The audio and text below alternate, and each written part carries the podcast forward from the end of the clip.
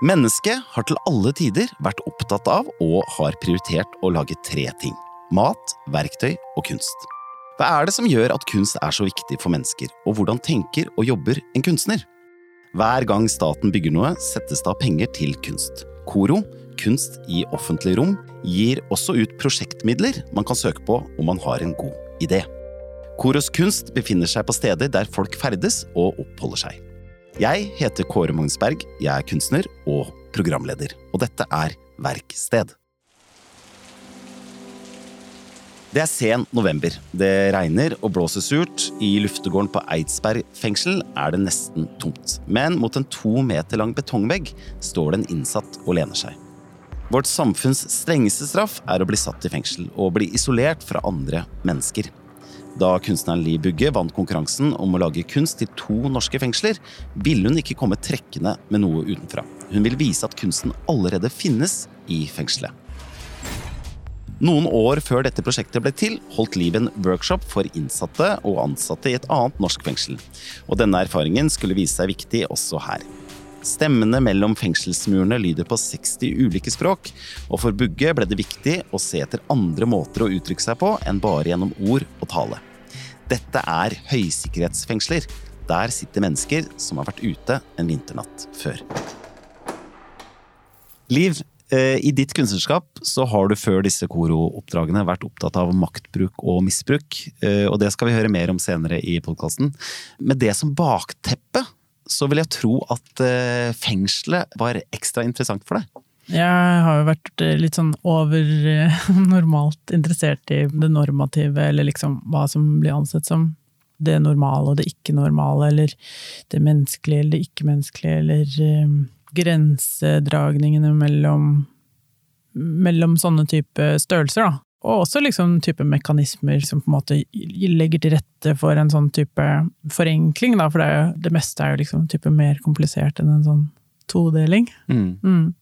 Så ja, fengselet syns jeg var veldig interessant. Særlig fordi det liksom, er jo definert som et sånt sted som er utenfor, eller innenfor, da.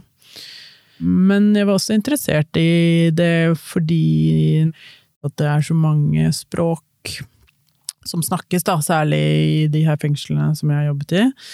Det her ligger til rette for en undersøkelse av andre typer liksom, språkliggjøringer, da. Som man jo holder på med som billedkunstner hele tiden, egentlig, men det er på en måte et sted hvor det verbale språket på, i ganske stor grad feiler, da. Bugge har som sagt tidligere tatt opp temaer som maktbruk og misbruk og aggresjon i kunsten sin. Men det å lage kunst i fengsel er ikke bare bare. Tar man f.eks. Ullersmo fengsel, har alle tidligere forsøk på kunst fra kunstnere utenfra stort sett blitt ødelagt. Så før Bugges prosjekt med å lage kunst i Ullersmo fengsel, så var de eneste kunstverkene som eksisterte, arbeider som var laget av de innsatte selv. Vi ser nok for oss fengselet som et ganske sterilt og pregløst sted, men likevel finnes det spor etter dem som lever og bor der. Som en eh, detektiv begynte Bugge å se etter disse sporene. Spor som innsatte har lagt igjen. Vi setter avtrykk etter oss i omgivelsene, enten det er utilsiktet eller med vilje. Sammen med noen av de innsatte fant hun f.eks. innrissinger i bordplater, taggede ord som fuck eller smurf og slitasje på stoler. Liv, når du gikk på jakt etter disse sporene, hvordan gikk du frem? Ja, det starta egentlig med at jeg uh, sommeren 2015 uh, ble invitert av daværende fritidsleder på Oslo fengsel avdeling B, det som er um, et varetektsfengsel, om å gjøre en slags sånn sommerworkshop med de, noen innsatte. Da. Og da var det veldig sånn, ja, dette er en gruppe innsatte som ikke har noe felles verbalt språk og type sånn. Så da var det litt sånn åpent hva jeg skulle gjøre, mm. og jeg møtte de, og liksom sånn, og så var det veldig mye sånn forhandling. Det er jo veldig mye forhandling hele tiden da, når man er i fengsel, liksom hva kan jeg ha med meg? hvor kan vi være? Alt, liksom, hvis man på en måte skal gå til et annet rom, så er det sånn massiv operasjon, og man må ringe ja. hit og dit, og alt må jo klareres, da. Ja. Så det er ikke sånn bare å gå rundt og se, liksom, og sånt. Nei, sånn at, eh, men eh, etter det første møtet så Eh, det var jo i Oslo fengsel. Oslo fengsel er jo et gammelt fengsel og har en type sånn fengselskropp som jo bærer veldig preg av en historie, da. Sånn at vi begynte å se på flatene. Liksom, hva er det som finnes her av historikk, da? Og jeg ble interessert i det fordi at øh, jeg holdt på med et sånt forskningsprosjekt da, som gikk litt på øh, forsvinninger og sånne ting. Liksom hvordan på en måte ting blir borte, da, eller mm. usynliggjort. Og liksom interessert i det der, hva som skjer med folk når de forsvinner på en måte fra gatene, eller forsvinner fra samfunnet. Hvilken historikk på en måte blør ut av det, da. Og det fant vi jo der i veggene, ikke sant, at det er spor etter de kroppene som har beveget seg gjennom den bygningen gjennom alle de åra. Selv om Statsbygg jobber iherdig med å utslette de sporene, da, mm. så er det jo veldig sånn De kroppene har liksom skrevet seg inn, da. Disse innsatte som ble på en måte hjalp deg å lete etter spor osv. Hvor engasjert ble de i prosessen, og syntes de det var spennende? Det som er helt fantastisk med å jobbe i fengsel, er jo at de har all verdens tid. Ja. Eh, og de har ikke noen mobiltelefoner, de har ikke noen avtaler etterpå, eller noen barn de skal hente, eller noen ting. Sånn at de er det absolutt mest eh, dedikerte menneskene jeg noensinne har jobba med. Det var helt fantastisk.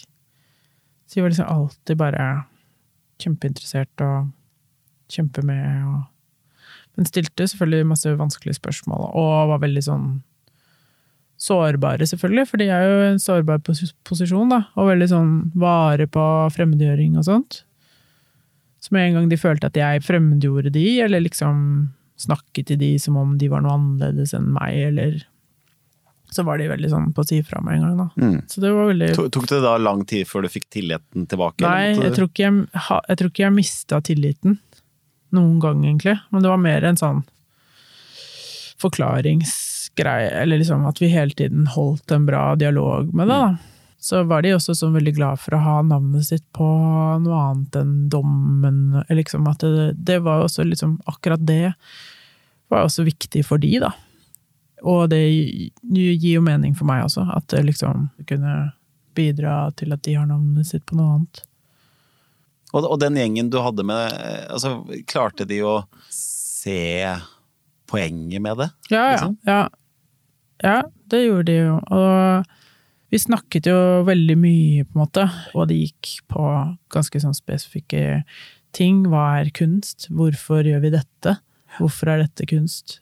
De som jeg jobba tettest med, var jo også folk som var på en måte litt politisk interessert i det vi gjorde. Ok, det her handler om og finne ut av hva skjer med kroppen min i fengsel, eller liksom hvordan kan jeg ta mer makt over min situasjon, hvordan kan jeg føle at det er en subjektiv handling å gjøre rutinene mine, eller? De ble veldig sånn interessert og bevisst på hvordan mm, kroppen på en måte blir koreografert da, i fengselet, og hvordan liksom samhandlingen er med samfunnet, på en måte, da, eller samfunnskroppen, som jo på en måte selve fengselskroppen er en slags forlengelse av. Da. Mm. Ga det om trygghet i prosjektet at uh, de som er der og ler med det, at de var såpass engasjert og trygge på det? Ja, det var veldig viktig. Jeg tenkte at um, det kan jo være en sånn at man bare er en del av systemet, liksom. At uh, det blir på en måte enda en ting som blir tredd nedover huet på dem, da. Mm. Ikke sant? At du skal se på den jævla driten der på veggen også, i tillegg til alt annet du skal gjøre. da. Det har blitt gjort forsøk tidligere, ja, ja, og det har blitt ødelagt, rett og slett? Nei, det var veldig eh, All eh, kunst på Ullersmo, da, spesielt, var jo ødelagt som ikke var eh, selvprodusert. Mm. Men det er veldig store veggmalerier der, som er produsert av innsatte. Ja. Som er helt enorme, og der er det mange innsatte som har jobba på det. Så det var liksom en av inngangene, var å få med seg de innsatte at de skulle føle noe slags eierskap til det, da. Og at, jeg, og at jeg håpet jo også at uh, de skulle formidle det til andre, ikke sant. At uh, andre innsatte også kunne få føle noe slags eierskap til det. Jo mer de så, desto flere spor fant de. Hun tok utgangspunkt i sporene hun kunne finne inne i fengselet, og tok avstøpninger av dem, som en arkeolog som konserverer historiske funn som skal foreviges for ettertiden. De sporene var det i ganger, korridorer, eller var det liksom hovedsakelig oppholdsrom? Type um, fellesarealer. Og en del ting er fra celler. Og noe er fra gymsalen. På Ullersmo er det jo sånne kulverter. Sånn all trafikk foregår under bakken, så kul, kulverter er sånne fottunneler hvor man går. Og der er det sånne kratre på en måte i veggen etter at det var noen sånn kunst som har blitt revet ned, da. som bolter som har blitt revet ut. Så noen av de skulpturene er liksom at vi støpte av de kraterne, og de er plassert på samme sted, da. Men utover de så er det ingenting plassert tilbake på samme sted. For alt er plassert i transportårene, sånn at ingen skal være stengt inne på en måte med kunst de ikke har lyst til å se på, eller noe. Og så lagde vi også en bok, da, som er en slags sånn guidebok, hvor eh, de innsatte tegna kart, for det finnes jo ikke kart over fengselet noe sted. Eller kriminalomsorgen ja, de har det, men Statsbygg har det, men det er ikke tilgjengelig. Det ligger ikke ute. Nei, jeg fikk det ikke, for eksempel. Sånn at uh, de innsatte tegna på en måte kart fra minnet, da over fengselet, og så står det sånn hvor de er funnet hen, og hvor de er plassert hen.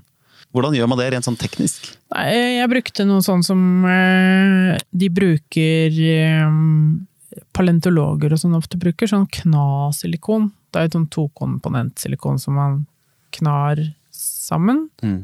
Da kan man ta, liksom, ha det med i felten, da. så blir det som en slags sånn plastelina. Som man bare dytter inn i hull og sånn.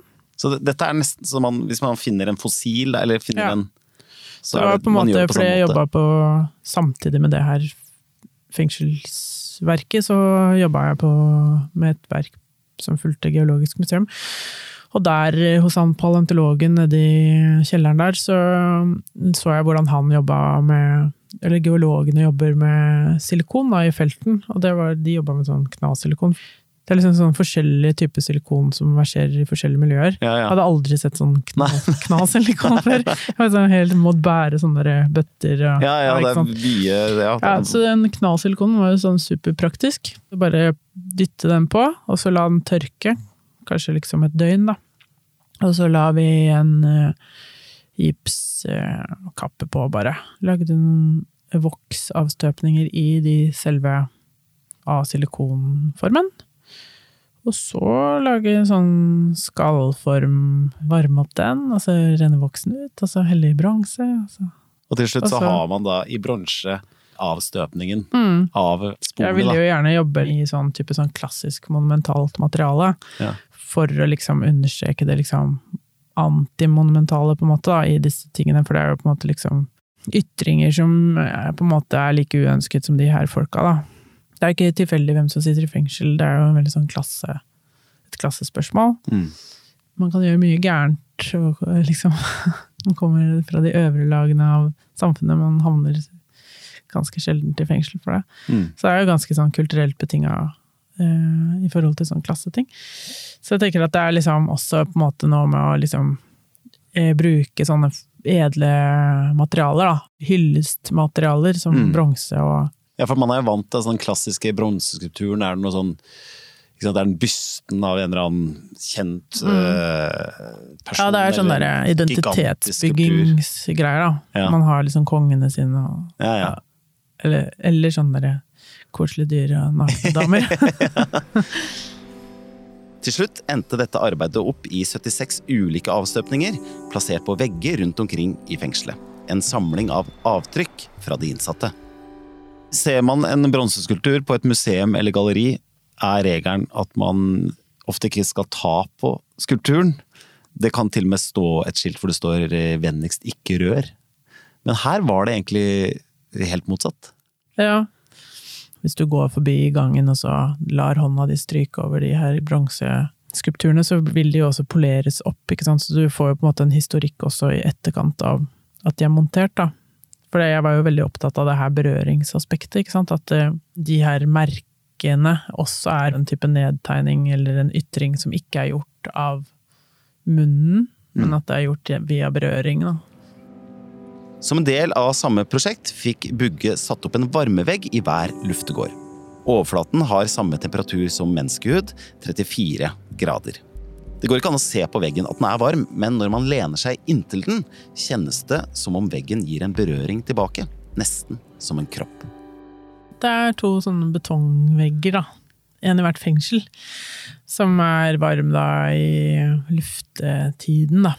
Som holder 34 Ja, grader. så den ligger, har sånne varmekabler inni seg.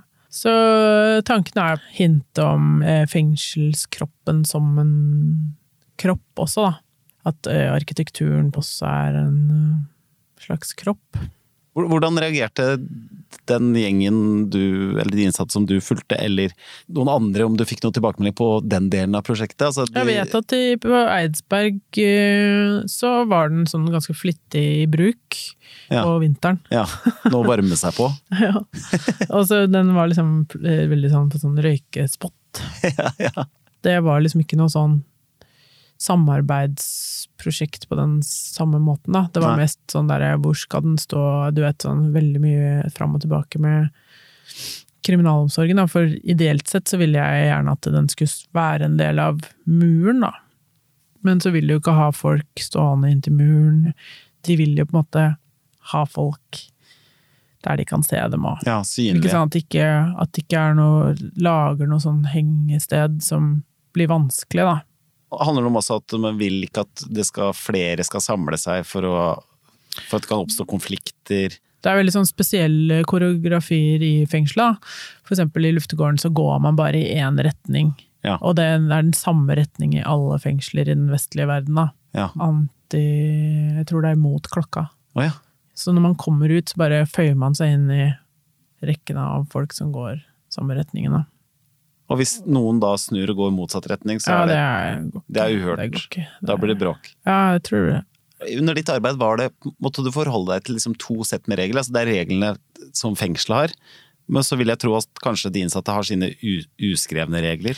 Ja, jeg var litt sånn opptatt av å prøve å skjønne de uskrevne reglene, men der var ja, de innsatte var veldig um, vare på at jeg tenkte at de var noe annerledes enn det jeg er, eller Mm. ikke sant. Å bli sperra inne er den strengeste straffen vi har i Norge. Det er i overkant av 3600 fengselsplasser i landet, fordelt på 33 fengselsenheter. Omtrent 70% av plassene er såkalte høysikkerhetsplasser. Du har sagt i et intervju, Liv, eh, med bl.a. nettstedet Billedkunst, at du har vært opptatt av at de innsatte blir usynliggjorte. Altså, hva legger du i det? Nei, det er jo det her at de forsvinner fra offentligheten, da. Eh, Noe som jeg har kalt eh, strukturell magi, da. Ved at eh, dommeren slår eh, klubben i bordet, så er det på en måte noen umyndiggjort, eller at eh, måte samfunnet overtar Blir tatt ut av samfunnet, Ja. at de forsvinner? overtar liksom myndigheten da, over en person i en, et visst tidsrom. Angela Davis, en amerikansk eh, teoretiker, har jo skrevet om det i, forhold til det amerikanske fengselssystemet. Der er det jo på en måte enda mer sånn tydelig et klasseproblem, da. Der rett og slett sosiale problemer eller fattigdom på en måte fjernes ved, ved, via fengselssystemet, da. Mm. Sånn at eh, det er det jeg mener med, med usynliggjøring. At det er en slags sånn forsvinning der. I Norge bruker vi ordet kriminalomsorg. Omsorg er kanskje ikke et ord man assosierer med fengsel, men i den norske fengselsmodellen er målet at fanger skal bli godt ivaretatt under soning. Er ordet omsorg eh, noe du tenker er liksom dekkende? Jeg tror jo at det var et veldig sånn ønske om et reformativt fengsel, den skandinaviske fengselsmodellen, for noen tiår tilbake. Men så er det jo som alle andre måte, institusjoner, så videre, som har gjort det umulig, da. Det er ikke et reformativt potensial i norsk fengsel lenger. Sånn som det har fungert, så har det i hvert fall vært en del eh, organisasjoner på en måte som har jobbet med sånn tilbake til samfunnet-virksomhet. Og de har vært statsstøttet, eh, og så har de mistet støtten sin og sånn. Og så er det jo en del av hva som tilbys inne i fengselet av eh, på en måte opplæring og omskolering og alt sånt. da. Og det er jo i stor grad nedbygget under AB-reformen. Det fins ikke midler lenger til den type virksomhet, da. Så nå er det jo et oppbevaringssted. Mm. Men jeg har vært interessert i det her transformative ved det, da. At man kan si at berøringen med liksom klubben i bordet, at det At man har en juridisk overtakelse av makt over et individ, for eksempel, da. Mm. Det er veldig få andre ting At man bare slår i bordet med noe, at man aksepterer Man at at, er greit. noen bare blir liksom Ja, ja. dratt av gårde de neste 20 årene, på en måte. Ja, sånn. Og det er jo eh, i seg selv den der juridiske overtalelsesmagien, da, har jo han Hans Petter Graver skrevet en del om. Det er veldig interessant, syns jeg. At vi liksom aksepterer på en måte hele den staffasjen. Man kan trygt si at Li Bugge har laget et verk som har tatt utgangspunkt i det som allerede finnes i fengslene. Den isolerte virkeligheten der inne er det svært få som har tilgang til, med egne spilleregler og normer. I et annet intervju Liv, så har du snakket om at du har vært opptatt av det paranormale. Og Det kan høres litt sånn mystisk ut, men eh, hva legger du i det? Para betyr vel overnaturlige. Mm. Det utenfor det normale, da. Som fengselet på en måte er, da. Sånn at jeg på en måte bare interessert i å på en måte bruke de, tulle litt med de ordene, sånn Mm. at man kan se at det, ja, fengselet er konstruert. Det er bygget av noen, både sånn fysisk og systemmessig, så er det jo på en måte en konstruksjon som vi på en måte eh, er enige om at, å eh, akseptere, eller sånn er, ja. Mm. At det bare snur litt på ordene, sånn at eh, man kan lett liksom bruke de samme ordene på det som vi på en måte bygger lovverket på, da. Eller, Ja, og som faktisk eksisterer, ja. men som lever ved sida av oss, på en måte. Mm. Det er en måte jeg bare har valgt å snakke om ja, de tingene som jeg er interessert i, da, som også liksom handler om det her. Ikke bare det her prosjektet, men generelt eh, ting, liksom de her grensedragningene for det normale, da. Hvis det er én setning eller eller en tankeliv som du tenker kan oppsummere eh, det prosjektet her, hva sier du da? Er det mulig? Nei, Den har jo en tittel, da. Ja, ja. To accept theirs, to make it mine, to wish it for myself. ja. Hva vil det bli på norsk, sånn cirka? Å akseptere deres og gjøre det til mitt eget, og ville det for meg selv. Ja. Jeg syns det var veldig dekkende. Du, takk for besøket. Vær så god. Eh, og så sier jeg som jeg alltid avslutter i denne podkasten, eh, lykke til med kunsten og livet generelt. Takk i like måte. Ha det godt. Ha det bra. Denne podkasten er produsert av Feelgood Scene Film og TV for Koro, og er laget av Anna Katarina Haukeland, Pernille Skar Nordby og Åsne Jukse fra Koro. Anne Geid Grimsby Haarr hos Filt, og meg, Kåre Magnus Berg. Episoden er klippet av Bård Solhjem Knutsen, og produsent er Miriam Ofsdal Berg.